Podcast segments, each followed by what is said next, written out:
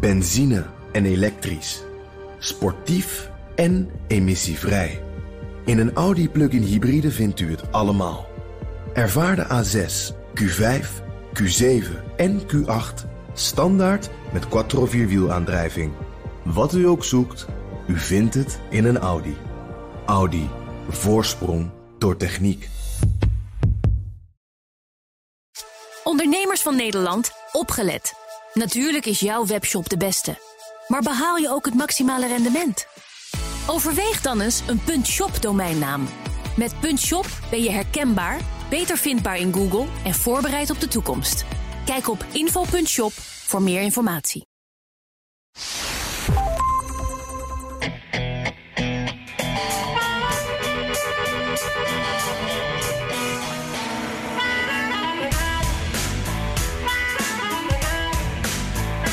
President Biden waarschuwde Poetin deze week: valt niet Oekraïne binnen. If in fact he invades Ukraine, there will be severe consequences. Ondertussen ligt een Republikeins congreslid onder vuur, haha, vanwege een wel heel bijzondere kerstboodschap. En dat was geen vrede op aarde.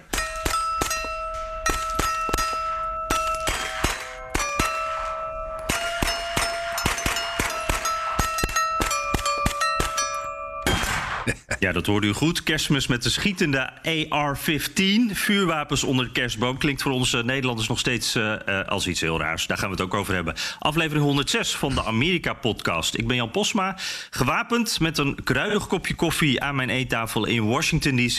En ik ben Bernard Hammelburg. Mijn munitie bestaat vandaag ook uit een kop koffie. Uit een kartonnen bekertje, helaas niet uit die mooie beker, Jan. in de podcaststudio in Amsterdam. Ja, het kan, het kan niet elke dag feest zijn qua mokken, hè? Dat, uh, dat is ook weer zo. Nee, zo is dat. Jan, hey. maak jij Ja, nog ik- wel eens wat mee daar in Washington? Ja, ja, ja, ja, zeker wel. Ik, er zijn twee dingen eigenlijk die ik even met je wil delen. Eh, de eerste is een mysterie van eh, stickers die hier in de, de buurt eh, opduiken. Biden lost and we all know it staat erop. Eh was eh, deze week een, een, ja, een beetje een rechtsprotest op de mall eh, de, in Washington. Dus ik denk dat het daardoor komt. En die hangen nu overal bij mij in de buurt. Op billboards, op, op reclamezuilen bedoel ik. op verkeersborden. Allemaal van die gele stickers waar die tekst op staat. Van nou ja, eigenlijk heeft Biden helemaal die verkiezingen niet gewonnen. Ehm, het is interessant eh, waar, waar dat dan vandaan komt. Eh, we weten het uiteindelijk niet helemaal. Maar wat ook wel interessant is, Bernard, vind ik in ieder geval grappig om te zien. Ze verdwijnen ook heel snel weer. Sommige stickers, er hangen hier nog steeds eh, stickers over eh, Trump en, en Rusland. En, en heel veel anti-Trump boodschappen in het straatbeeld. Maar deze die waren toch weer heel snel weg. En dat, dat zegt toch ook iets over hoe Washington hier tegenaan kijkt. Maar, Dus dan nou loopt het, de ene ploeg loopt langs de achter, de ander achterna om ze allemaal weer weg te halen. Ja, precies. Zo zie ik dat wel voor me. En dat gaat ook best snel. Dus dat, eh, ja, zo houden we elkaar een beetje bezig hier. Ja, ja. ja. En, en het, het tweede dingetje wat ik eh, ja, toch even wil noemen. eh, niet om op te scheppen, want ik weet dat jij hem ook al binnen hebt. Maar ik, ik ben geboosterd. En ehm, ik wou toch eventjes zeggen hoe goed dat geregeld was hier in Amerika. Eh, ik had al maanden geleden die prik kunnen halen. Eh, maar eh, nou, ik, ik was zelf een beetje verkouden, dus ik dacht ik wacht nog eventjes. Dat wordt dan geadviseerd. Hè. Uiteindelijk moet ik zeggen, ben ik nu alsnog ook een beetje verkouden. Volgens mij mede ook door die booster. Maar goed, is het wel waard. Ehm, maar ik kon hier een afspraak bij de apotheek maken. Binnen een paar dagen kon ik terecht. Het was zo geregeld. Ik stond ook in tien minuutjes weer buiten. Ik, ja, ik, ik, hoor dan hoe kennissen in, in Nederland soms echt grote moeite eh, moeten doen. Of, of nog helemaal niet aan die booster toekomen. En dan moet ik zelf zeggen, dat verschil is toch wel weer groot hoor. Dat blijft wel een, Ja. een gek idee dat eh, nou, mijn ouders in Nederland nog moeten wachten. eh, terwijl ik hier hem al binnen heb. Ja. heb. Dat is toch gek? Je hebt helemaal gelijk. het is, ja, ik vind het nog steeds schandelijk zoals het verloopt. Overigens, op het moment dat wij dit opnemen, dat is donderdag, einde van de middag Nederlandse tijd. Ehm, zijn de loketten, zal ik maar zeggen, de prikloketten geopend tot en met bouwjaar 1950. Ah, Dus, dat wist ik eh, niet eens. dus het gaat wel echt de goede kant. Jawel, het gaat ook hier wel de goede kant op. Maar ehm, ja, dit- het, het, het mooie van de manier waarop ze het Amerika doen... is dat ze het veel praktischer doen. Eh, dus ze zeggen: ga maar online of eh, bel maar, maak een afspraak zoals jij beschrijft. En dan kun je om de hoek bij de drogist of de apotheek terecht. En in Nederland moest en zou dat allemaal via de GGD. En dan kom je met oproepsystemen en registratiesystemen. Dus het systeem houdt de zaak ook op. Niet, niet, niet alleen de organisatie, maar gewoon het hele systeem is eigenlijk, ja, volgens mij, een, een sta in de weg hier. En ik, ik had steeds de neiging om te zeggen: joh, er zijn, weet ik veel, tientallen van die priklocaties. Zet ze gewoon allemaal open. En dan, dan gaan de mensen in de rij staan. Dat vinden ze helemaal niet zo erg. In dit geval moeten ze een paar uur in de rij, maar dan heb je hem ook. Ja, Maar precies. Mensen willen gewoon graag. Ja hoor, die willen gewoon graag. En, en ook als je ook weer die laatste stond, geloof ik, gisteren in de New York Times zag ik en ook op de BBC een stukje over. Over dat laatste onderzoek van Pfizer. Waarin staat dat als je ze alle drie hebt gehad, dat je dan eigenlijk weer net zo goed bent beschermd. Ook tegen de nieuwe variant als destijds na twee prikken. Dus het is echt goed om hem te hebben. En het is vervelend dat je je even niet lekker voelt, Jan. Maar ik ben heel blij te horen dat je hem hebt. Ja, ik ben er ook blij mee hoor. Dus eh, ik klaag verder ook niet. Het e- één dingetje waar ik wel even over klaag trouwens, Bernhard. Eh, wa- wa- want eh, ze improviseren hier gewoon wat beter. Dat, dat blijkt wel uit, uit, uit wa- wat je net vertelde. In Nederland organiseren we het be- beter, maar soms wel te goed. Maar een probleempje daarbij is mijn vaccinkaart. En, en je weet ook hoe die eruit zien. Dat is gewoon een soort. Ja, ik weet niet. Ik, vroeger als ik naar het zwembad ging en dan had je zo'n. dat je tien keer naar binnen mocht kaartje die dan werd af. Zo ziet die eruit. Een abonnementje, ja. Ja. Ja, precies. Echt zo'n jaren 50 kaartje is het echt. Waar dan met, met, met eh, eh, ja, de dokter die schrijft daar dan op dat je een nieuwe prik hebt gehad. Dus ook heel makkelijk eh, te vervalsen. Maar mijn vaccinkaart is nu al eigenlijk bijna vol. Daar kan al bijna niks meer bij. Dus ik ben benieuwd wat nu de volgende. Met één booster en twee gewone prikken zit hij al vol. Dus ik ben echt benieuwd wat nu de volgende stap wordt Ja. qua vaccinkaarten. En, en die komt er. En, en, en overigens even het nieuws uit New York, want dat is ook heel prettig. En dat heb je, volg je ongetwijfeld ook allemaal.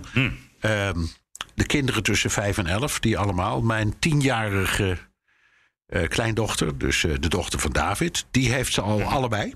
De eerste prik. Ah, kijk. Ja. En eh, half december dan moet die hele, die hele generatie op zijn minste eentje hebben. Ehm, en vanaf 12, dus eh, van 12 tot 17, die kunnen dan aan het einde van de maand, vanaf 27 december, volledig gevaccineerd zijn. Dus dat, is ook, eh, dat, dat gaat ook heel hard. En dan heb je natuurlijk, ja, wat dat betreft, New York is geloof ik, ik denk een van de eerste steden in afval in Amerika, misschien ook wel in de wereld, die gewoon een algemeen vaccinatiebevel heeft afgegeven. Hè, voor, zoals, zoals het in, het, in eh, het persbericht stond van de gemeente. Voor, voor personeel dat werkt eh, in het kleinste winkeltje tot in het allergrootste bedrijf of kantoor. Iedereen moet gewoon gevaccineerd zijn, anders kom je er niet meer in. Ja, ja, ja, ja, New York is echt eh, voorloper. Hè? Dat, dat is ook al eerder met eerdere maatregelen. Dat, dat, dat zal toch zijn, denk ik. Die stad is zo hard geraakt eh, aan het begin van die coronacrisis. Die, ja, die, die doen nu. En er is vrij weinig weerstand ook, heb ik het gevoel. Ja, dat is ook zo. En er zijn natuurlijk ook Nou, ontzettend geschrokken. Want je hebt, daar hebben we het wel eens over gehad.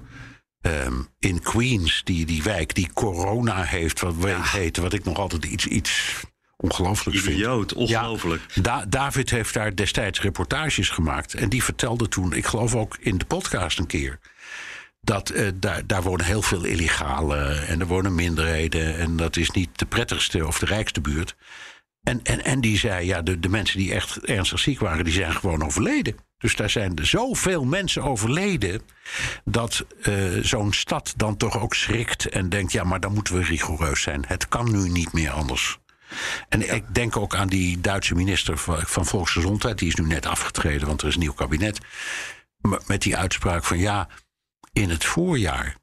dan is iedereen of gevaccineerd. of heeft corona gehad. of is overleden.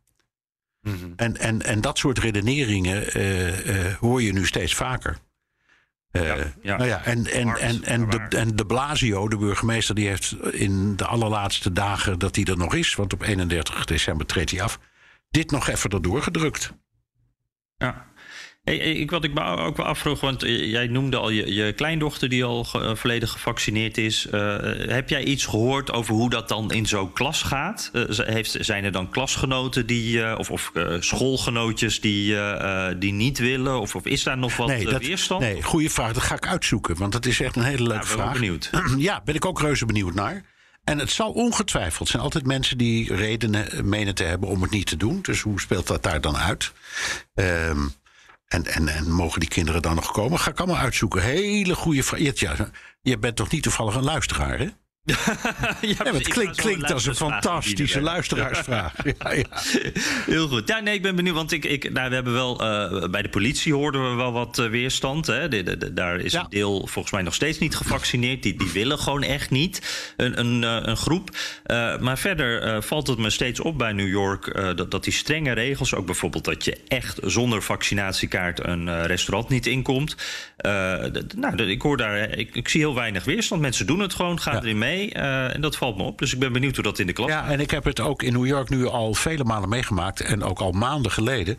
En dan zie je ook mensen keurig netjes met het kaartje in hun hand al binnenkomen. Zoals je in Nederland mensen met de telefoon in de hand ziet binnenkomen. Want die moeten dan de QR-code laten zien. Maar die, het is al een soort geconditioneerde reflex. Omdat ze inderdaad weten, ja, als ik het ding niet bij me heb, word ik weggestuurd. Ja, precies. Dus ja. Uh, ook een tip voor alle uh, Nederlanders die naar New York uh, gaan. Um, ja, Bernard, we moeten dus ook uh, even over de, de, dingen op het grote wereldtoneel uh, hebben deze week. Hè? Want uh, dat was ook iets wat speelde deze week. Biden en Poetin die hadden een groot telefoongesprek, of een Zoom-call was het meer. Ze konden elkaar ook zien via zo'n extra beveiligde lijn uh, met, met Biden uh, uh, diep weggedoken in het Witte Huis. met allemaal mensen eromheen. En Poetin die zat volgens mij in zijn eentje voor dat grote scherm. Duurde twee uur. onderwerp was natuurlijk die Russische troepenopbouw bij Oekraïne. En Biden, we hoorden hem al eventjes kort in het begin... die waarschuwde voor de gevolgen als Rusland Oekraïne binnen zou vallen. Dan volgen er zware economische sancties, zo zei hij. Maar militairen wil hij niet sturen. daar is de, de, tijd nog niet rijp voor, zei Biden Biden ook. Uh, ja, Oekraïne is ook geen lid van de NAVO natuurlijk, dus daar zal het mee te maken hebben. Uh, Bernard, uh, als, ik, ik, vraag je dit ook even niet alleen als podcastgezel over Amerika, maar ook als buitenlandcommentator van BNR. Ehm, hoe heb jij naar dat gesprek gekeken en, en, en, wat denk jij, wat voor conclusie kunnen we hieruit trekken? Ja, nou, dreigen met ik, sancties, is dat nou genoeg? Ja, nee, ik pak het eerst even op bij jouw beschrijving van hoe ze zaten. Want het, Oh, verhaal, ja, ja, het, verhaal, het verhaal is dat dit, deze verbindings situatie is al heel lang geleden bedacht, maar nooit eerder gebruikt. Dus dat was onder Bidens voorganger en misschien zelfs Poetins voorganger. Dat weet ik niet helemaal zeker, want die man zit er al zo lang. Heel lang geleden? Ja, nee, maar dat is dus al heel lang geleden opgebouwd. En, en de Amerikaanse president zit dan in die beroemde Situation Room. He, dus in, in, de, in, ik zou maar zeggen, in de kelder van het Witte Huis uh, met zonder ramen. He. En, uh, en Poetin die zit dan ja, in zijn werkkamer, denk ik, in het Kremlin. Maar die, die verbinding. Ja, die... ik dacht dat hij bij, bij, in zijn buitenverblijf. Oh ja, in Sochi. Je hebt gelijk. Ja, je hebt gelijk. Hij was in Sochi. Maar de, in... de zaal was er groot genoeg voor. De zaal was groot genoeg voor. En daar konden we niet zien of er medewerkers waren. Bij, bij Biden wel, want daar zit natuurlijk Sullivan, dus de, de, de, de uh, veiligheidsadviseur en nog anderen, die zitten daarbij. Om te souffleren, om te notuleren en om mee te luisteren. Um, en ja, je kunt het van verschillende kanten bekijken. In de eerste plaats het feit dat ze het hebben gedaan is goed nieuws. Uh, want er had voor hetzelfde geld een oorlog kunnen uitbreken zonder dat ze dat nog hadden gedaan. Er was daarvoor overleg tussen uh, uh, Blinken en Lavrov, de ministers van Buitenlandse Zaken. en die hadden dit als het ware voorbereid. En dat was goed. Dus ik, ik zie het in de eerste plaats best als goed nieuws. Nou, die kwestie van hoe het in detail zit. Kijk, Poetin heeft, naar mijn idee. Uh, en je doet een beroep op mij als buitenland commentator. Dus leg ik even de nadruk op. Hè. Dit is, hoeft niet helemaal objectief de waarheid te zijn, maar zo, zoals ik het zie. Poetin zegt steeds waar het mij om te doen is. Is dat, de, dat uh, Oekraïne geen lid wordt van de NAVO. Dat is mijn uitgangspunt. En ik wil daar graag een verzekering op hebben. Van jou, van Biden.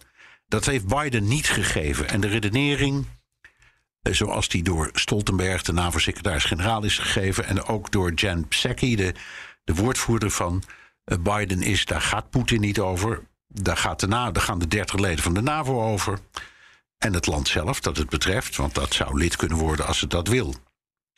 Dat vond ik, between you and me en de luisteraar, stom.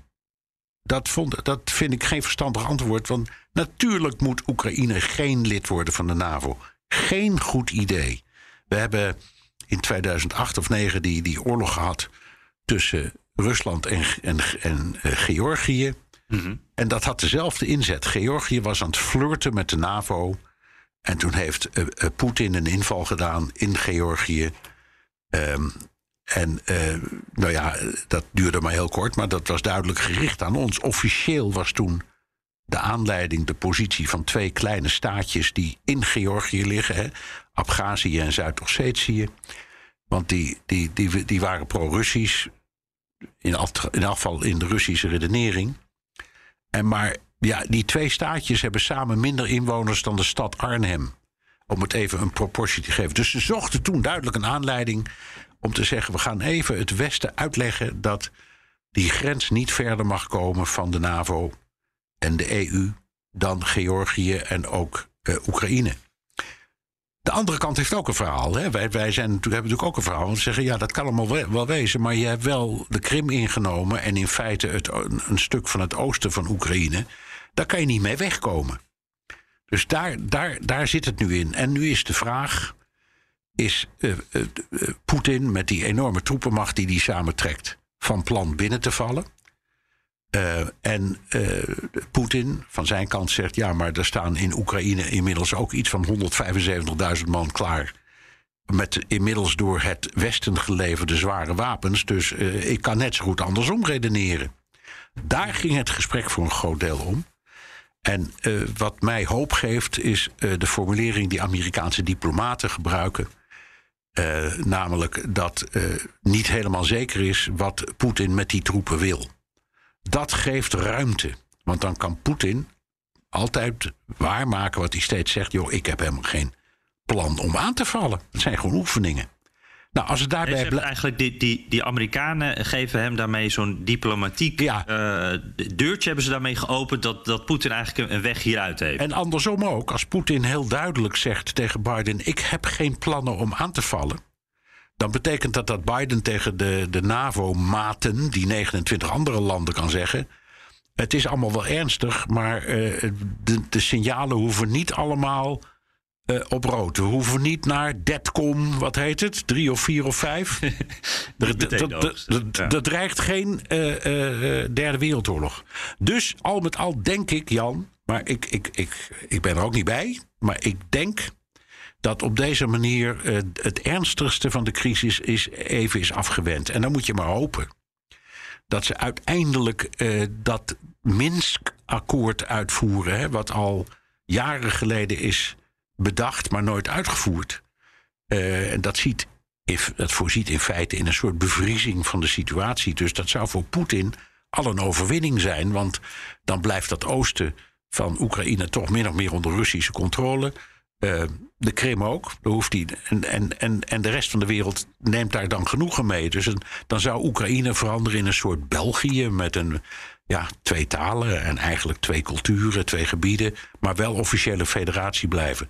Als ze het daar alsnog over eens worden, dan is de crisis weg. Maar zover zijn we nog niet. Als ik eventjes de devil's advocate mag spelen hier. Poetin, harde leider, uh, die gaat ook niet de confrontatie uit de weg, schat ik dan zo een beetje in. hij, hij, hij rekt de, de, regels ook een beetje op, dat, dat is zijn stijl. Hij kan toch ook denken: Biden heeft nu gezegd militair ingrijpen doen we niet. Uh, sancties zijn heel vervelend voor Rusland, maar eigenlijk relatief goedkoop. Stel dat uh, Oekraïne over vijf jaar wel lid is van de NAVO. Uh, ja, dan wordt het een stuk lastiger allemaal. Dus ik kan beter nu Oekraïne dan binnenvallen. Dan, dan doe ik dat eigenlijk met heel weinig, relatief gezien. Met, met ja, kosten me dat weinig. Nou, er zijn twee dingen. In eerste plaats, als je goed kijkt, even een stapje terug doet, dan heeft Poetin eigenlijk al gewonnen. Want de Krim is de Krim en die blijft gewoon Russisch. Die komt niet meer terug. Dat weten we allemaal, maar niemand zegt het hardop. Maar het is gewoon de waarheid.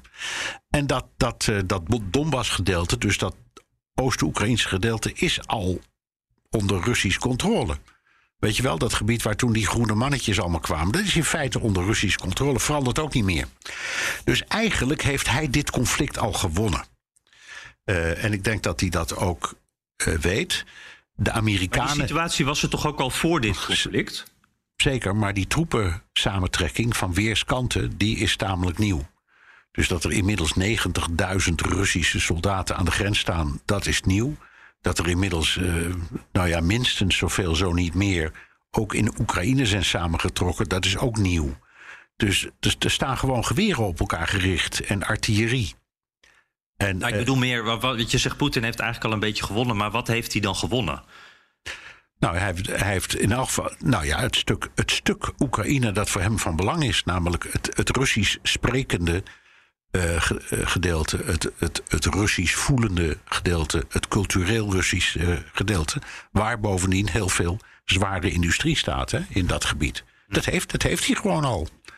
Uh, en nu de andere kant, want we hadden over diplomatieke ruimte, maar er is ook diplomatieke dreiging. Waarom ik ook denk dat Poetin denkt: het is zo wel mooi. Ze, ze hebben, de Amerikanen hebben een cynisch, Jan, uh, het begrip nucleaire optie gebruikt.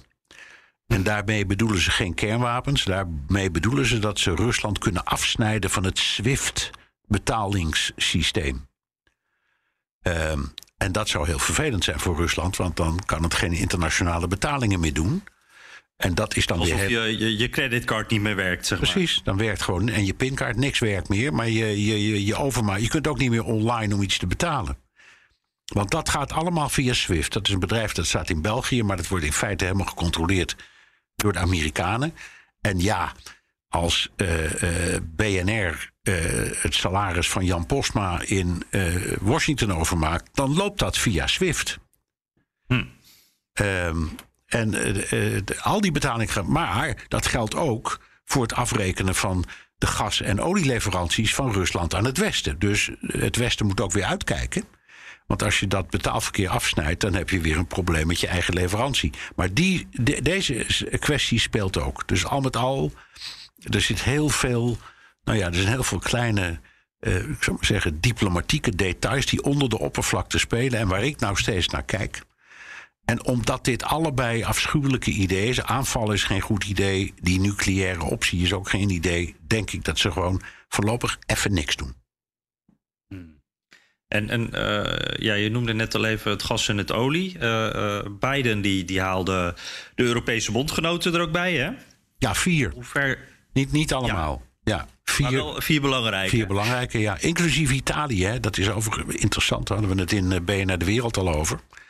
Want dat werd vroeger nooit zo in dat soort dingen betrokken. Maar met Draghi aan het stuur en, en, en het Verenigd Koninkrijk eruit... is plotseling uh, Italië een heel belangrijke partner geworden, ook voor overleg. Mm. Ja.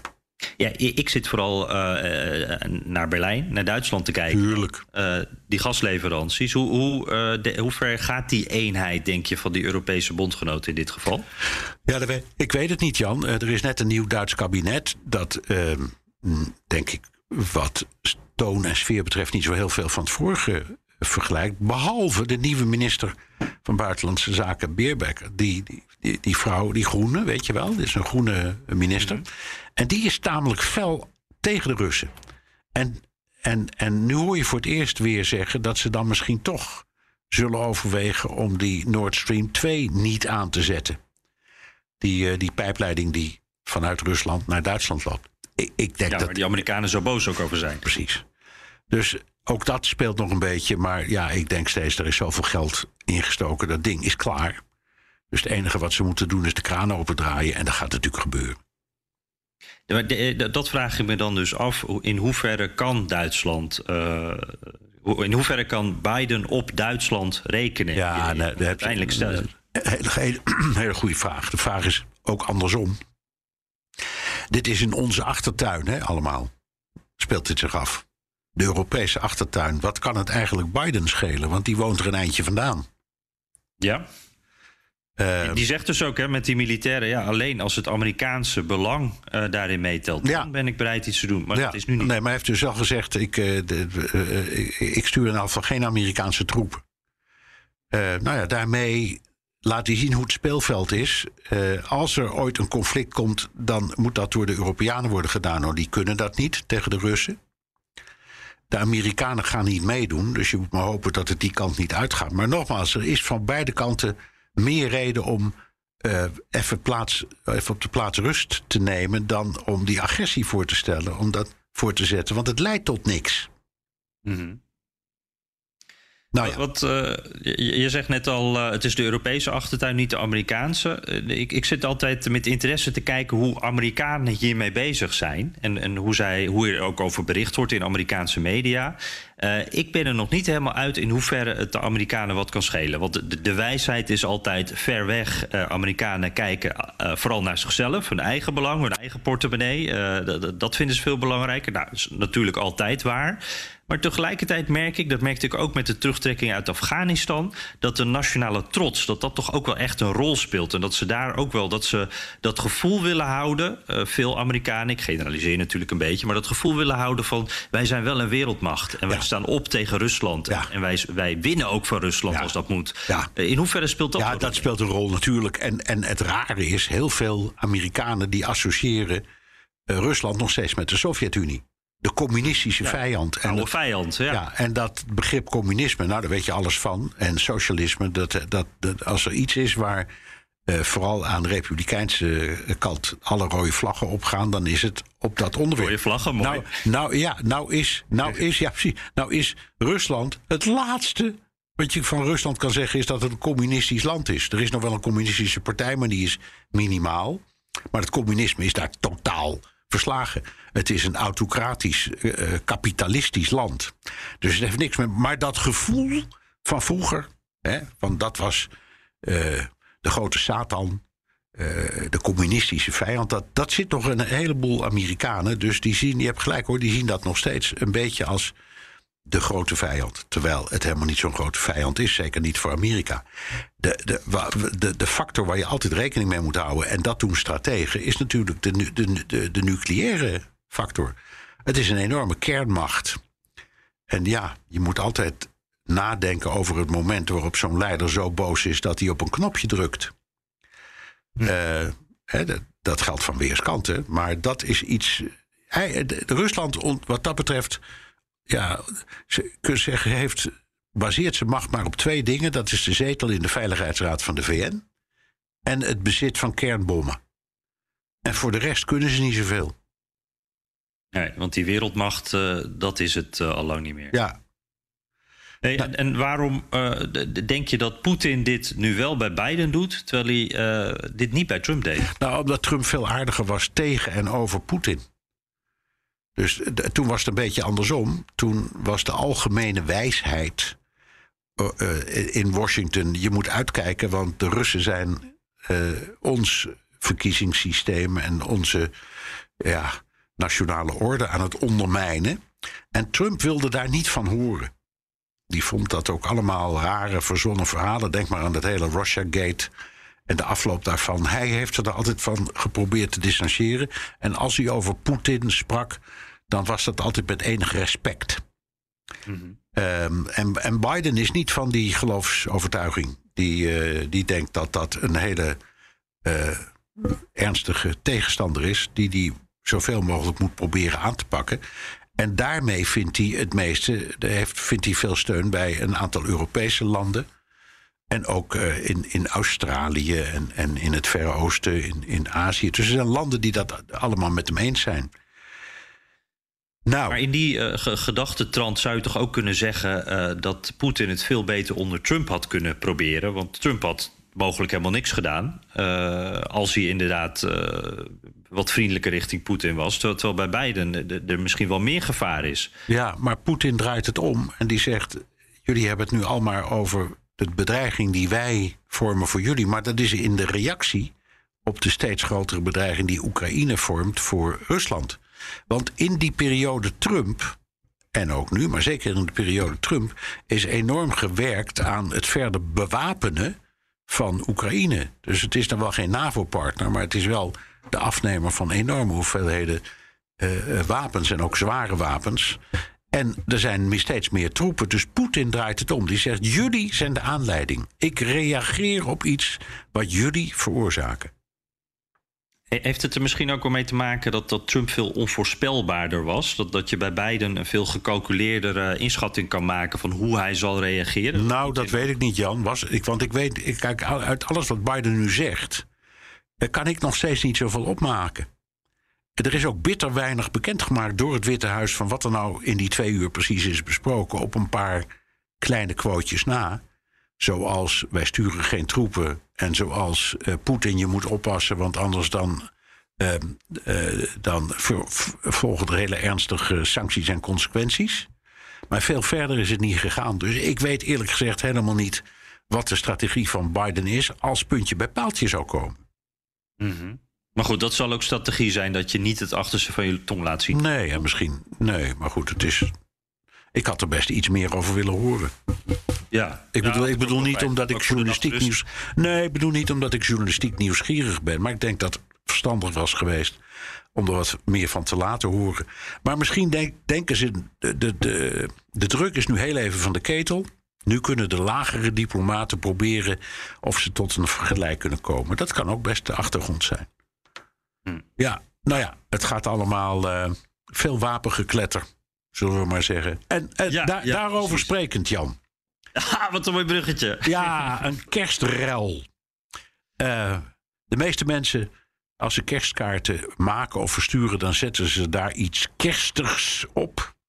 Uh, en sommige mensen maken het persoonlijk met een familieportret. Ik kreeg gisteren nog een hele mooie van Amerikaanse vrienden. Dan zie je het hele gezin in alle mogelijke houdingen en dansend en ja. om een kerstboom en elkaar omhelzend en, enzovoort. Nou, Hadden ze ook allemaal dezelfde trui aan? Allemaal zo'nzelfde trui, ja hoor, dat hoort erbij. en nou heeft het Amerikaanse congreslid Thomas Massey uit Kentucky bedacht... ja, ik ga ook zoiets doen, dus met gezin voor de kerstboom... maar in, in dit geval hield iedereen, elk gezinslid, een vuurwapen was, uh, vast. Uh, dat was het gesprek van de dag. Kwam natuurlijk ook uh, omdat dit op, op jouw favoriete medium Twitter onmiddellijk de hele wereld rondging. Ja. En ook omdat, er, omdat het zo kort kwam na die, die afschuwelijke schietpartij in Michigan. Ja, ja, dat was meteen. Eh, ja, je zegt het inderdaad goed dat het ook op, op Twitter werd die foto gedeeld. En, en dat, dat, daar is de boosheid natuurlijk snel aan de oppervlakte. En, en in dit geval helemaal bij zo'n onderwerp. Uh, dat was die school shooting uh, bij Oxford in, in Michigan. Er zijn vier mensen omgekomen. Uh, Schutter was 15. Uh, een jongen die, ja, zoals van de verhalen die we nu gehoord hebben, was dat vuurwapen een kerstcadeau voor hem. Van zijn ouders had hij dat gekregen. in, de klas zat hij al te googelen naar munitie. er waren ook nog wat andere, had een, tekeningetje achtergelaten. Andere aanwijzingen waren dat het echt niet goed met hem ging. nou ja, het ging dus ook echt helemaal verkeerd. En nou ja, ik, er zijn een hoop onderwerpen gevoelig in Amerika, maar ik denk schietpartijen, dat is echt ook weer zo'n onderwerp. Dat is zo'n open wond uh, die niet dicht gaat. Ook omdat die schietpartijen blijven komen. Het is echt iets, uh, zo'n soort chronisch uh, probleem. En, en de ruzie over die wapenwetten, dat, dat is eigenlijk ook chronisch. Dat blijft ook doorgaan. En, en beide kanten blijven hetzelfde vinden. En. Uh, ja, ik, ik, ik ben benieuwd hoe jij dit zag. Maar ik, ik, ik, het was echt een, ik, ik zag het als een pesterij. Als, als, een provocatie eigenlijk, die kerstkaart. Of het kersttwitterkaart. Uh, en, ik vond ook wel veelzeggend. Uh, we hadden het vorige week ook over Lauren uh, Boebert.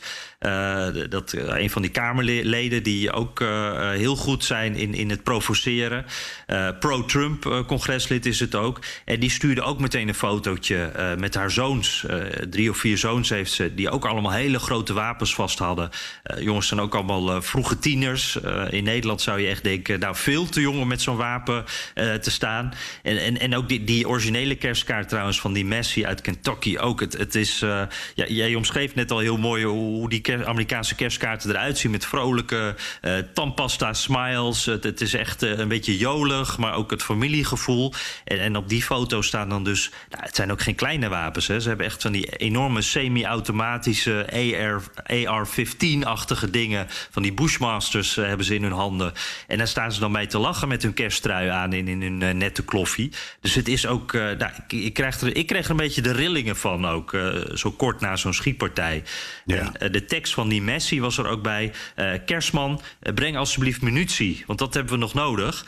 en die Boebert die reageerde in haar foto daarbij van... nou, wij hebben munitie zat hoor, dus dat is bij ons geen probleem. En misschien lees ik er nu al te veel in, maar uh, die jongen van die schietpartij die was dus aan het googelen naar munitie, hoe die daaraan kon komen. Uh, ik had het idee dat het geen toeval is dat ze daarna verwezen en dat dat echt een grapje, een deel van het grapje was. En ja, ik, ik vind het echt luguber. Ja. Echt uh, ja. heftig. Ja. Nou, ik ben ontzettend. Kijk, dat, dat laten we zeggen dat uh, mensen die tegen wapens zijn, en dat zijn er in Amerika heel veel, hè, moeten we niet vergeten.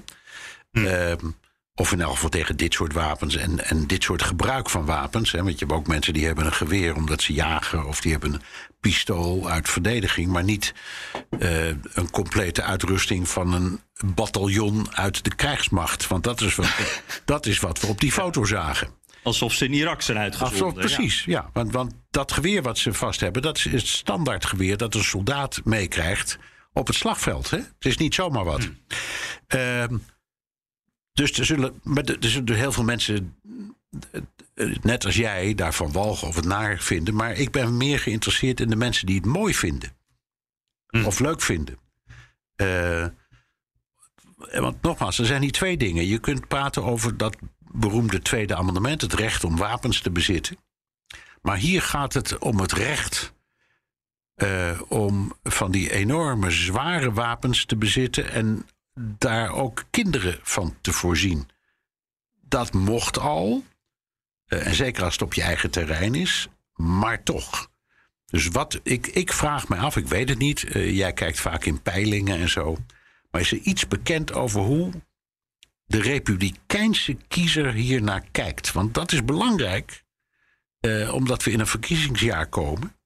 Dus dit heeft allemaal gevolgen. Het is, het is niet alleen maar iemand die, ja, als ik die term dan maar weer mag gebruiken, de uh, discussie op scherp zet.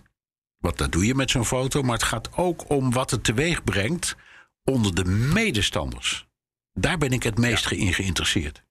Ja, en, en dat, is, uh, dat is een hele goeie. En dat vraag ik me ook af. Want uh, wat ik daar dan bij denk... Die, die, die, die, die, slachtoffers in Michigan... En, en slachtoffers van schietpartijen door heel het land. het is niet zo dat iedereen die te maken heeft gehad met zo'n schietpartij... dat hij meteen anti-wapens is. Er zijn ook heel veel mensen die gewoon pro-wapens waren en blijven. Maar die zien dit dan ook. En, en ik vraag me dan af, als jij pro-wapen bent... je woont in de buurt van Oxford, Michigan... Je bent conservatief, je bent overtuigd van het tweede amendement... en dan komt dit kaartje voorbij en dan vraag ik dan... dan denk ik bij mezelf, ik denk dat ik in die situatie het ook smaakloos zou vinden. het zou denk ik niet mijn mening veranderen over wapens... maar ik zou wel denken van, waar zijn wij ja. mee bezig hier? Ja, nou ja, daar is natuurlijk, heb je ook gelijk. En kijk, wat er gebeurde op die kerstkaart en op de reacties die daarop kwamen, was dat het bij wijze van spreken allemaal met een knipoog en een kwinkslag was. Je ziet daar stralend lachende jonge kinderen met zware wapens. Naast hun trotse, ook stralende ouders, ook met van die zware wapens. Um, en vooral dat stralen en dat gelukkig zijn en dat lachen, um, dat is de factor. Ik kan me nog voorstellen dat als je bijvoorbeeld de National Rifle Association bent, hè, die bekende lobbygroep, en je maakt een kerstkaart, dat je daar een serieus kijkende filmster of beroemdheid op zet. Die leunt op een pistool en zegt: Wij zullen alles doen om het recht op wapens te beschermen. Kan ik me voorstellen. Maar de, de, hier was de combinatie zo raar van zware wapens, kinderen en dat stralende geluk. Ja. Uh, omdat je dan denkt, ja, en als je hem ooit gebruikt of moet gebruiken, kijk je dan nog steeds zo gelukkig? Ja, precies. Ja, dus dat is wat mij bevreemdt. En nogmaals, ik ben erg geïnteresseerd, het zal wel komen hoor, naar onderzoek dat laat zien hoe dit uitpakt voor, voor onderkiezers bijvoorbeeld. Wat vinden die daar nou van? Ja. Niet het wapenbezit, maar de manier waarop ermee wordt omgegaan. Alsof het leuk is. Allemaal. Daar, daarover, uh, want ik, ik, heb het gevoel, dit, dit is dus provoceren. Uh, dit, dit, is een beetje democraatje pesten ook. Uh, maar ik denk dat voor een, een, een, groot deel van de Amerikanen dit ook wel hun gevoel over wapens laat zien. Uh, dat, dat, hele. Um, ik, heb, ik heb het idee dat dat wapen. dat wordt ook steeds meer net als de pick-up truck. Weet je wel, heb je een pick-up truck, truck, echt nodig? Nou, de meeste Amerikanen niet. Maar die vinden het wel heel fijn om er te rijden. Want het heeft ook een bepaalde een bepaald aura. Een bepaalde lifestyle. Hè? Je bent een stoere kerel als je in een pick-up truck rijdt. En dat geldt ook voor die wapens. Het hoort bij uh, een, een, gelukkig Amerikaans gezin dat je in een pick-up truck rijdt, dat je heel normaal bent gebleven, dat je hard werkt, dat je zondags naar de kerk gaat. En dat je dus ook een wapen hebt en dat je dat ook doorgeeft aan je kinderen, die gewoonte, die traditie. Ja. Het is echt een uh, lifestyle onderdeel. Ja, dat kan wezen. Maar dat beeld van die uh, pick-up truck klopt helemaal. Het is niet voor niets dat de Ford 150 pick-up truck de best verkochte auto ter wereld is. Dat, dat, dat, is. dat is niet voor niks. En er zitten inderdaad heel veel mensen in die heel trots zijn, heel hard werken, eh, patriotisch zijn en in wapensbezit geloven. En die hebben ook allemaal in het handschoenkastje een pistool liggen. Maar dat is toch hmm. wat anders dan uh, ja, hemelsgelukkig kijkende kinderen met een, ja. ja met een, uh, met een wapen eh, in de hand waarmee je normaal in een greppel ligt in Irak. Ik vind dat een groot verschil. Ja, nee, maar dat ben ik helemaal met je eens. Maar ik denk dat daar dus een deel uh, het ook in zit. Dat je hebt uh, het praktische van een wapen hebben. Als je ergens bij wijze van spreken op de prairie woont, de politie, het kost een half uur om bij je te komen. je wilt jezelf kunnen verdedigen. nou, daar zit, dat is een praktische reden. Maar ik heb het gevoel dat het ook steeds meer een, een mode verschijnsel is. Een lifestyle ding. Je, je hebt. Uh, uh, je, hebt bepaalde Instagram-accounts uh, waar, waar uh, ook op deze manier geposeerd wordt. Vaak door uh, jonge mooie meisjes of gespierde jonge mannen met hun wapens. En die hebben dan vaak ook een beetje camouflagekleding aan. die, die plaatsen dan filmpjes van hoe ze dingen beschieten. Hun nieuwste wapen in, in modieuze kleuren. je kan, kan vrouwenmodelletjes krijgen waar dan roze in de camouflagekleuren terugkomt. er zitten allemaal een heel lifestyle aspect en ik heb het gevoel dus dat dat uh, ja, toch bizarre beeld... wat jij uh, heel goed blijft schetsen van die brede tandpasta-smiles met die wapens... dat dat daar dus ook mee te maken heeft. Ja, ja. ja. ja en ik vind dat... Ja, ook wat ik daar, daar wat, dat, dat dan uh, naar smakeloos ook, ook wel eng maakt. Uh, je maakt die wapens wel heel normaal. En ik snap nogmaals dat praktische aspect, dat, daar kan ik me echt wel in vinden. Zelfs mensen die zeggen, ja, maar we zijn wanhopig of we zijn wantrouwig richting de overheid. Uh, ik, nou, ik deel het gevoel niet, maar ik, ik, ik snap wel de redenatie daarachter waarom je daarom een wapen wilt. En het gevoel hebt van, dan kunnen we ooit als burgers in opstand komen. Maar hier is een soort van niet alleen een normalisering van die wapens, maar ook een, een stap verder nog. Dat dat bij een gelukkig gezinsleven hoort. En ja. dat, uh... Nou, dat beeld, dat beeld van dat roze, dat, uh, dat blijft mij even bij. We gaan, uh, weet ik veel, van de happy hooker naar de happy hunter, zal ik maar zeggen. ja. Zo, zo, zo ja. zoiets. En, maar kijk, je kan het ook omdraaien, Jan. Het, we praten er nu al een tijdje over. Het feit dat ehm, het ons verbaast uh, en dat jij zegt, ja, ik vind het ook provocerend. Misschien is dat precies de bedoeling. Dus we laten ons misschien ook wel erg op de kast jagen. Hè? En uh, dat, ik ben label wij, de mensen die, uh, die dit opmerkelijk vinden... of ze eraan ergeren of zeggen, ja, dit kan niet. Zal ik daar meteen eventjes een uh, luisteraarsvraag uh, bij pakken? Ik ja. zo nog wel even op uh, ons volgende onderwerp. Ja, maar die eerste luisteraarsvraag gaat daar toevallig over. Dat is van Ivo Bouwman, bekende naam, hè, vriend van de podcast. Ja. Die zegt, hij, hij, heeft sowieso eventjes teruggekeken naar wat nou zijn eerste podcastaflevering was die hij luisterde, was nummer 23. En hij zegt een extra jubileum koffie, die mik ik op aflevering 123. Ja. Dus we moeten nog even doorgaan, Bernard. Ja, zijn we ook van plan. Die zegt van, ja. ja, zeker. Hij, die zegt van uh, nou, die, die cowgirls, uh, uh, Boobert en Marjorie Taylor Greene. ook zo'n co congreslid dat ook altijd loopt te provoceren. hij zegt er van ja, zij maken eigenlijk net als Trump gebruik van flood the zone en shock. Uh, is attention. Uh, de, zeg maar de, de, ja, de, de, de tactieken om aandacht te krijgen. Het rechtse medialandschap, Facebook, maar ook Fox versterkt dit. Dat, dat levert weer kliks op. Maar ook het traditionele medialandschap heeft hier een moeilijke rol. Dat, dat zijn wij dan een beetje, denk ik. Hoe, in hoeverre moeten zij aan two-sidisms vasthouden? Dus dat je altijd zegt van er zijn twee kanten. als een van die twee kanten het speelveld zo uit het lood trekt. Uh, en dan noemt hij uh, hier als voorbeeld uh, bijvoorbeeld ook holocaustontkenning... en dat, dat verhaal over die Joodse space lasers. Daar hebben we het ook wel eens ooit over gehad. Dat is ook een bizar verhaal. In ieder geval, hij is benieuwd naar onze mening van de journalistieke aanpak. Is daar misschien een update voor nodig? Moeten we het anders gaan doen met dit soort extreme gevallen? Ja, een hele goede vraag. Kijk, de, het eerste antwoord is, dat is flauw en dat is een dooddoener... maar we are just here to report the news.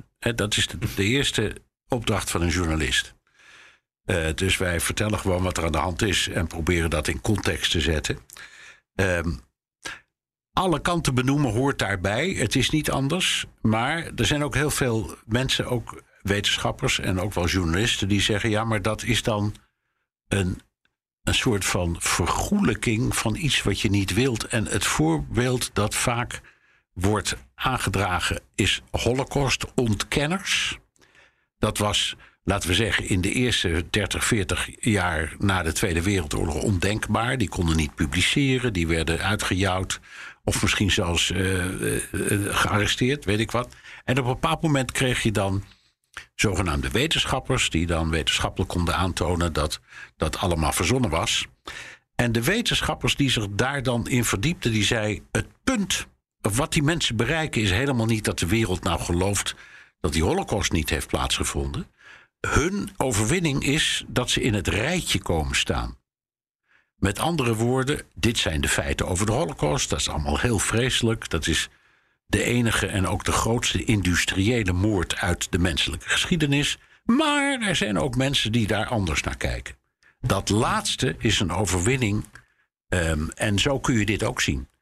Dus ik vind het een hele goede vraag en ik heb het antwoord niet. Ik zou, ik zou willen dat ik het had. Ik zou me journalistiek schuldig voelen om een deel van het verhaal niet te vertellen.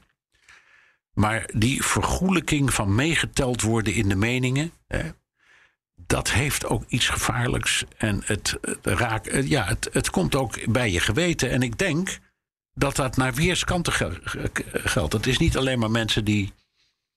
Um, die, uh, ja, ik zou maar zeggen, uh, een, een, proberen de andere kant ook weer te geven. Maar vanuit die andere kant gezien ligt het net zo. Dus het is een hele lastige. Als je er nu echt van overtuigd bent dat de republikeinse waarden de juiste zijn. Als je er echt van overtuigd bent dat de verkiezingen zijn gestolen. En, en, en Jan Postma en Bernard Hammelburg gaan zitten vertellen dat uit feiten toch echt iets anders blijkt. Dan krijg je misschien ook de pest in. Dus het is een hele lastige kwestie.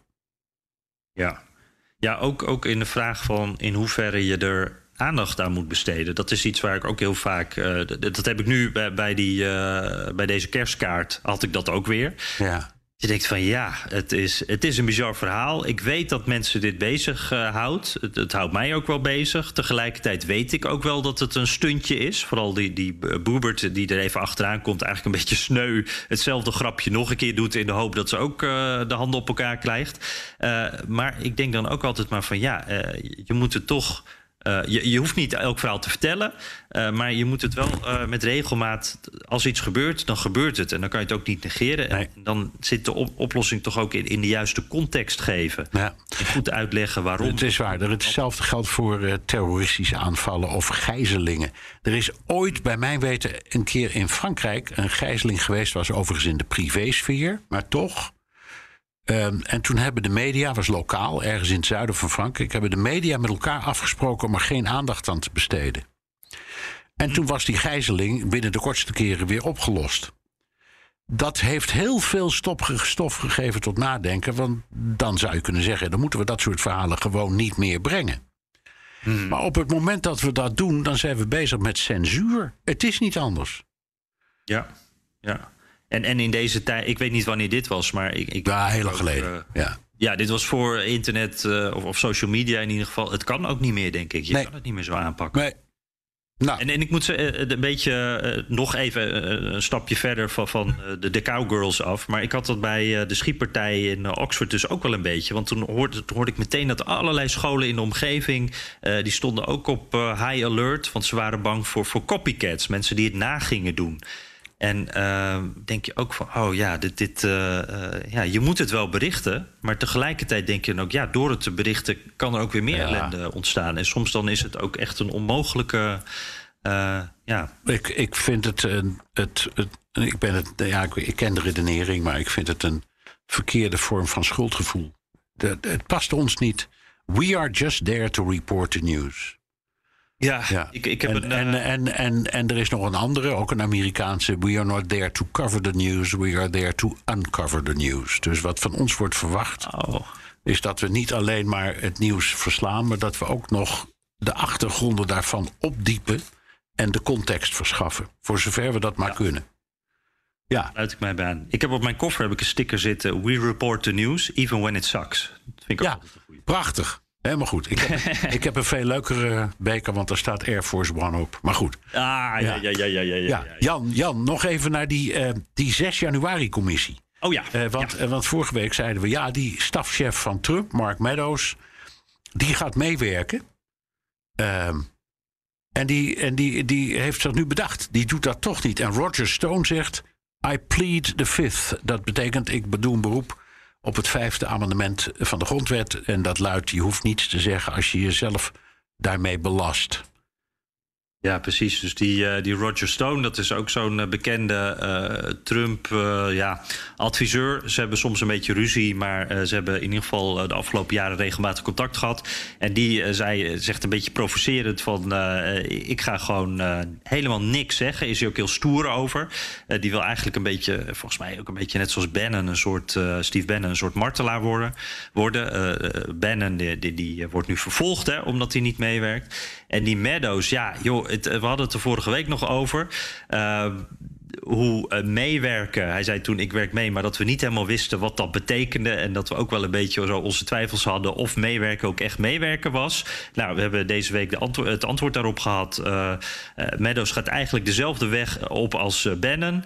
Um, hij, wil, uh, hij heeft het teruggetrokken, hij wil niet meer meewerken. Maar uh, hij heeft al wel dingen gedeeld. En dat is iets waar veel over gespeculeerd wordt. En wat ook wel spannend is. Uh, hij heeft al documenten, sms'jes, dat soort dingen gedeeld. En daar zou ook, en nu ga ik echt even op Amerikaanse media af. Want ik kan dat zelf op geen enkele manier verifiëren of dit klopt. Maar hij zou ook een, een PowerPoint hebben gedeeld van tientallen pagina's.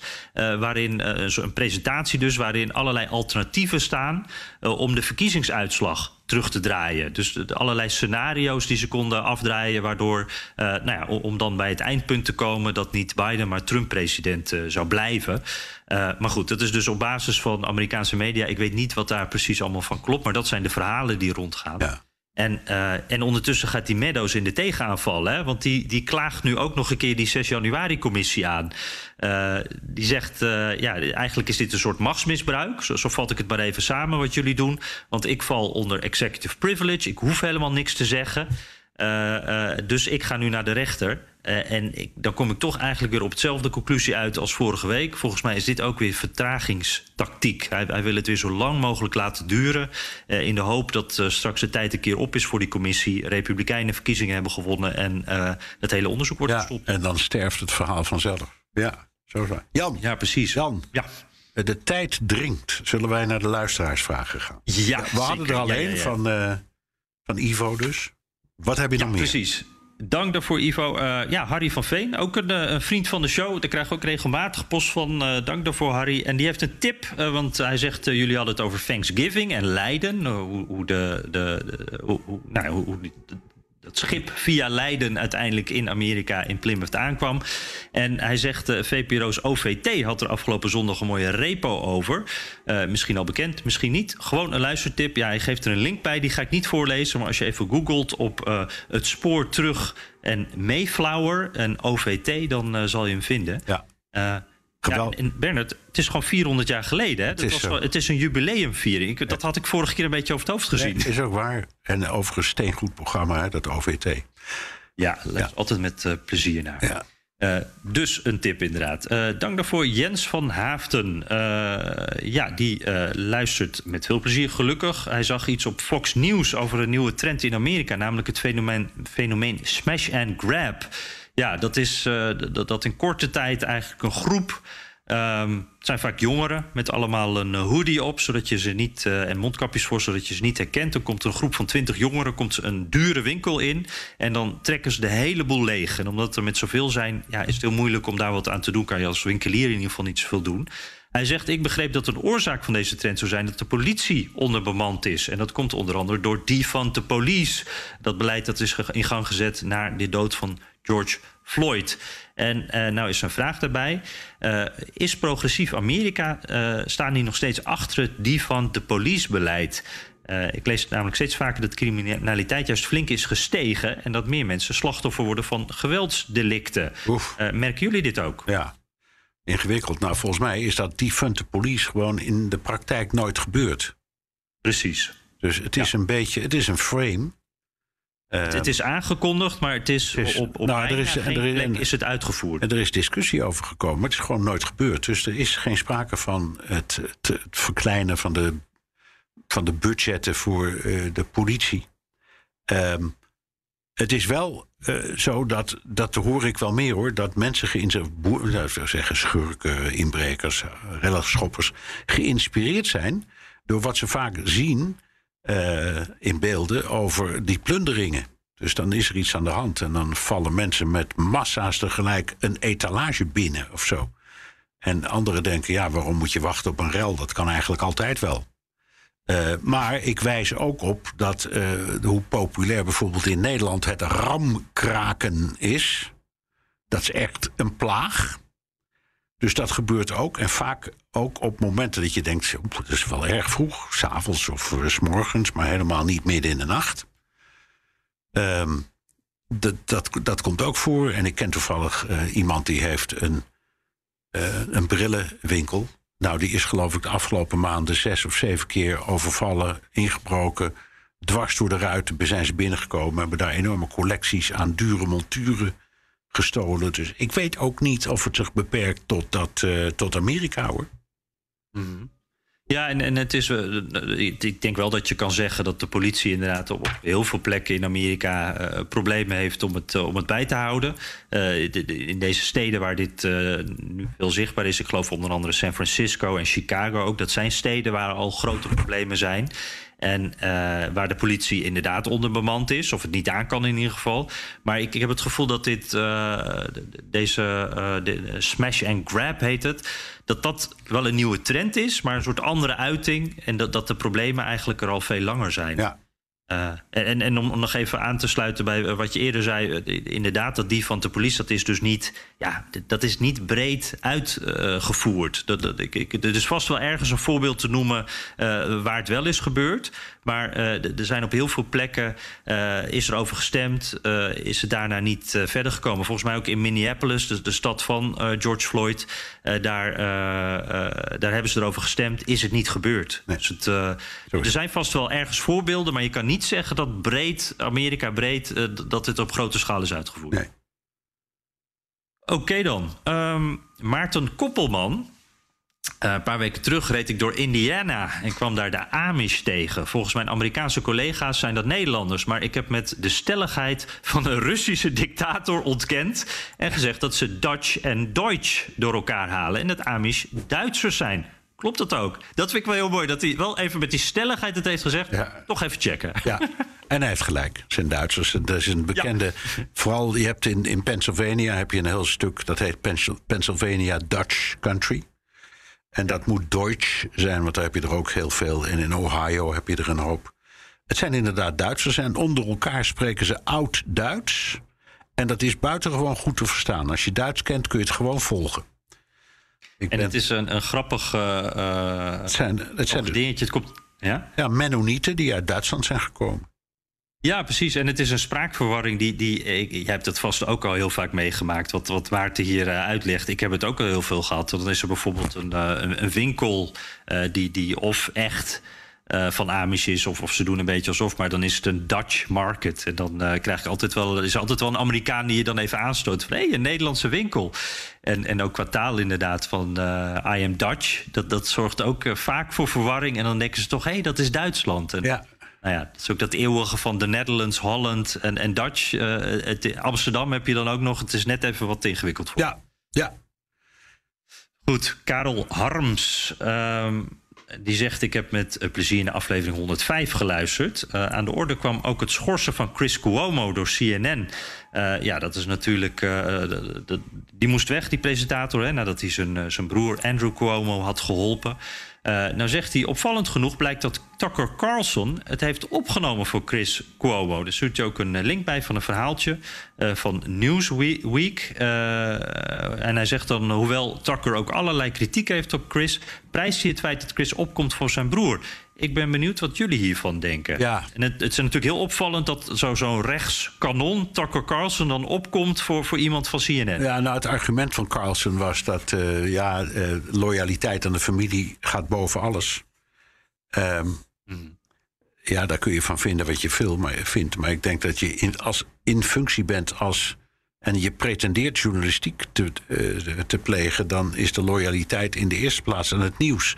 Welke interpretatie je daaraan geeft, dat moet je zelf weten. En wat dat betreft hoef je Tucker Carlson niets uit te leggen, want die heeft zijn eigen interpretatie. Maar je eerste loyaliteit is denk ik op dat moment aan uh, het televisiestation waarvoor je werkt, aan je collega's en aan de inhoud van het programma. Uh, en uh, dan, ik denk dat je die dingen niet door elkaar moet halen. In geen enkel vak, maar zeker in het onze niet. Nee, zeker. Ja, ik kreeg ook wel wat. Ik, ik, was op Twitter ook vrij, nou ja, gewoon duidelijk en wel hard over Chris Cuomo. Van ja, het kan ook gewoon niet. Dit, dit was het enige wat ze konden doen, hem eruit gooien. Uh, toen kreeg ik ook wel veel reacties van mensen die zeiden van... ja, maar joh, het, het is zijn broer. Wat had hij anders moeten doen? En dan denk ik, ja, maar uh, dan had hij...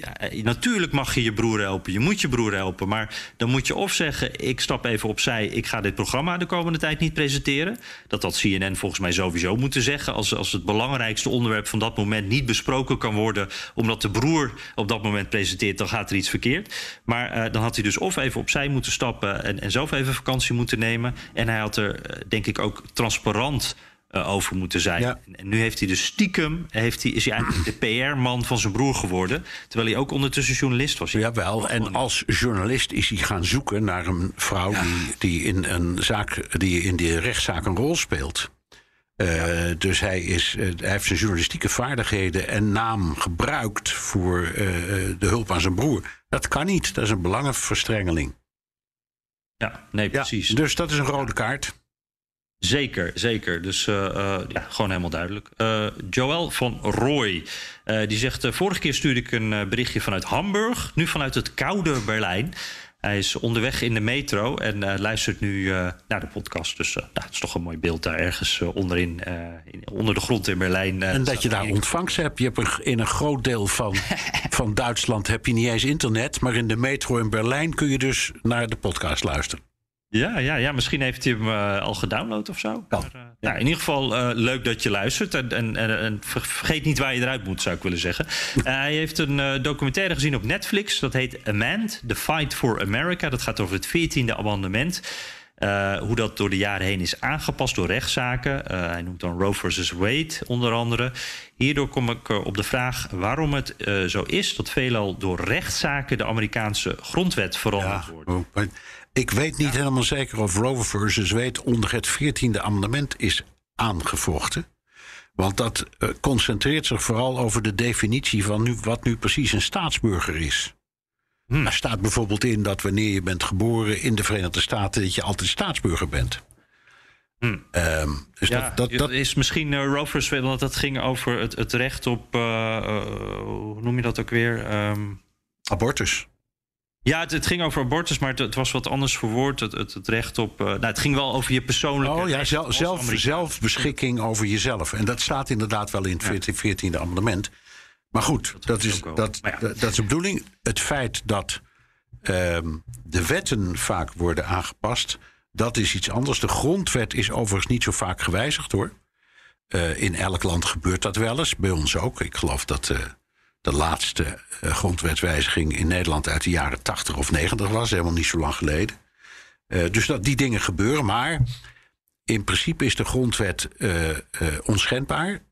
in Amerika alleen de interpretatie daarvan in wetten die is wel schendbaar volgens het Amerikaanse recht. Bij ons niet. In Nederland is de wet ons, ook de wet, de wetboeken, dat is allemaal onschendbaar. Dus je kunt, als je voor de rechter komt, niet zeggen: ja, meneer de aanklager of meneer de advocaat of meneer de rechter, u beroept zich nu op die en die wet, maar die wet klopt eigenlijk niet. In Nederland kan dat niet. In Amerika kan dat wel. En dan kun je naar, in beroep en dan kun je naar, uiteindelijk naar het Hoge Rechtshof. En dat kan bepalen dat die wet niet klopt of op een andere manier moet worden geïnterpreteerd. Dat is waar. Maar de grondwet zelf niet hoor. Nee, die, die woorden die blijven staan. Alleen er wordt steeds opnieuw naar gekeken wat ze betekenen en, en hoe ze geïnterpreteerd moeten worden. Toch? Dat is een beetje. Oh, is en, en als je die grondwet goed leest, het is soms ook een beetje orakeltaal. Dus zo gek is het niet hoor. Ja. Dat ze naar het woordenboek zoeken, zou ik maar zeggen. En dat vind ik ook altijd wel interessant hoor, hoe je dan uh, hoge rechters hebben, hebt die zeggen van oh, je moet het zo letterlijk mogelijk nemen. En er zijn anderen die zeggen je moet het interpreteren en, en plaatsen in de context van deze tijd. En dan kom je op heel iets anders Ja, maar ja, dat, luid, dat laatste is wel hele linkse taal, Jan Postma. ja, precies. Communistische linkse taal is dat. Nou ja, hey, ik, uh, ik was helemaal de tijd een beetje vergeten. Maar uh, voordat alle metroritten voorbij zijn en, en onze dag ook voorbij is, moeten we misschien maar een beetje afronden, ja, denk ik. Ja, ja, jammer. We hebben nog heel veel post. Ja. Beloof je dat je die wel gaat voordragen als wij elkaar weer spreken? Zeker, zeker. Ik bewaar ze allemaal. Oké. Terugluisteren kan via de BNR-site, Apple Podcast en Spotify. Oh, ik vergeet wat, Jan. Had je nog wel uh, oh, ja. recensies? Nou, het is, je, je stopt bij Spotify. Dat is eigenlijk precies goed. Want daar wilde ik nog even op, uh, op terugkomen, heel snel. Uh, want uh, je, je, weet, hè, we hadden vorige keer allemaal mensen die hadden hun Spotify-lijstje gekregen. En dan stonden wij bovenaan. Vonden we superleuk. de meest beluisterde podcast bij heel veel mensen. En er werden deze week ook weer echt een heleboel berichtjes daarover gedeeld. En ik wilde even zoveel mogelijk noemen. iedereen krijgt hierbij van ons een, virtueel kopje koffie voor tijdens de podcast. dat is Rick van Weers. die luistert tijdens de nachtdiensten. Stefan van Tiel, Ricardo Kustner. Eh, hij zegt: Ik hoor jullie stemmen soms in mijn slaap. ik weet niet of dat goed is. Uh, Jack, uh, Joel van Roy, hey, die hoorden we net ook. Nick, geen aflevering gemist. Jeffrey Joy Stam. Uh, oh ja, die heeft nog een vraag. Moet je heel snel antwoorden. Welke oud-president zou je willen interviewen en welke vraag zou je ze eerst te stellen? um, de, de, de, Lyndon Johnson. En de vraag zou zijn: hoe ben je erin geslaagd om zoveel wetsvoorstellen door het parlement te krijgen. Oh, wauw, dat is een mooie. Dat is een mooie. Ik, ik zou uh, linken uh, zou ik uh, willen. En dan over de vraag moet ik nog even nadenken. Kundert Verboom nog, Peter Beltman en Patrick Dijkstra. Dus dank allemaal voor jullie berichtjes. En wat fijn om te horen. We hopen dat we volgend jaar rond deze tijd ook bovenaan jullie lijstjes Ja, en heb je vragen, opmerkingen, kritiek of complimenten... dan kan dat ook met een tweet naar Jan Posma USA of BNR De Wereld of heel ouderwets met een mailtje naar dewereld.bnr.nl. Tot volgende week.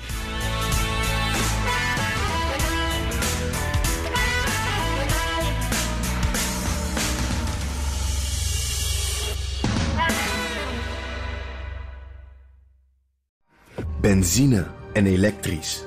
Sportief en emissievrij. In een Audi plug-in hybride vindt u het allemaal. Ervaar de A6, Q5 Q7 en Q8 standaard met quattro vierwielaandrijving. Wat u ook zoekt, u vindt het in een Audi. Audi. Voorsprong door techniek.